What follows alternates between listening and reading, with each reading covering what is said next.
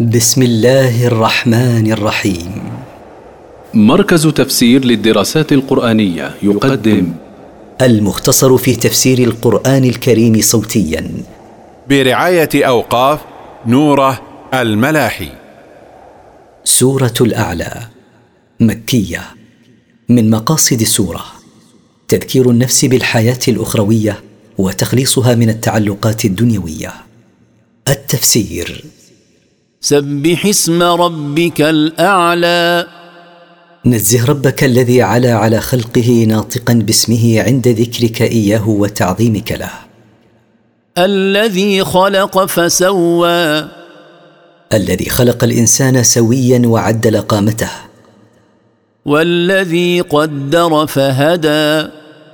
والذي قدر الخلائق أجناسها وأنواعها وصفاتها. وهدى كل مخلوق إلى ما يناسبه ويوائمه. والذي أخرج المرعى. والذي أخرج من الأرض ما ترعاه دوابكم. فجعله غثاء أحوى. فصيره هشيما يابسا مائلا للسواد بعد أن كان أخضر غضا سنقرئك فلا تنسى. سنقرئك أيها الرسول القرآن ونجمعه في صدرك ولن تنساه. فلا تسابق جبريل في القراءة كما كنت تفعل حرصا على ألا تنساه. إلا ما شاء الله. إنه يعلم الجهر وما يخفى. إلا ما شاء الله أن تنساه منه لحكمة. إنه سبحانه يعلم ما يعلن وما يخفى. لا يخفى عليه شيء من ذلك. ونيسرك لليسرى. ونهون عليك العمل بما يرضي الله من الأعمال التي تدخل الجنة. فذكر إن نفعت الذكرى. فعظ الناس بما نوحيه إليك من القرآن وذكرهم ما دامت الذكرى مسموعة. سيذكر من يخشى.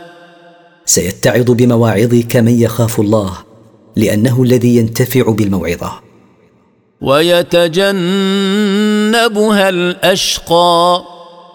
ويبتعد عن الموعظة وينفر منها الكافر لأنه أشد الناس شقاء في الآخرة لدخوله في النار. الذي يصلى النار الكبرى.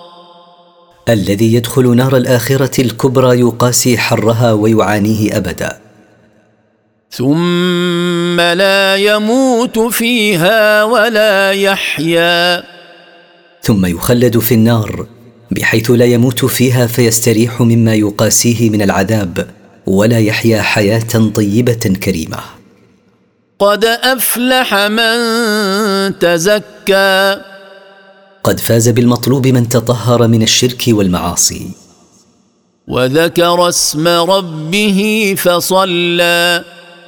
وذكر ربه بما شرع من أنواع الذكر وأدى الصلاة بالصفة المطلوبة لأدائها. بل تؤثرون الحياة الدنيا. بل تقدمون الحياة الدنيا وتفضلونها على الآخرة على ما بينهما من تفاوت عظيم. والآخرة خير وأبقى.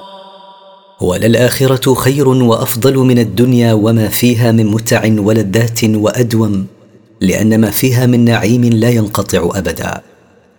إن هذا لفي الصحف الأولى. إن هذا الذي ذكرنا لكم من الأوامر والأخبار لفي الصحف المنزلة من قبل القرآن.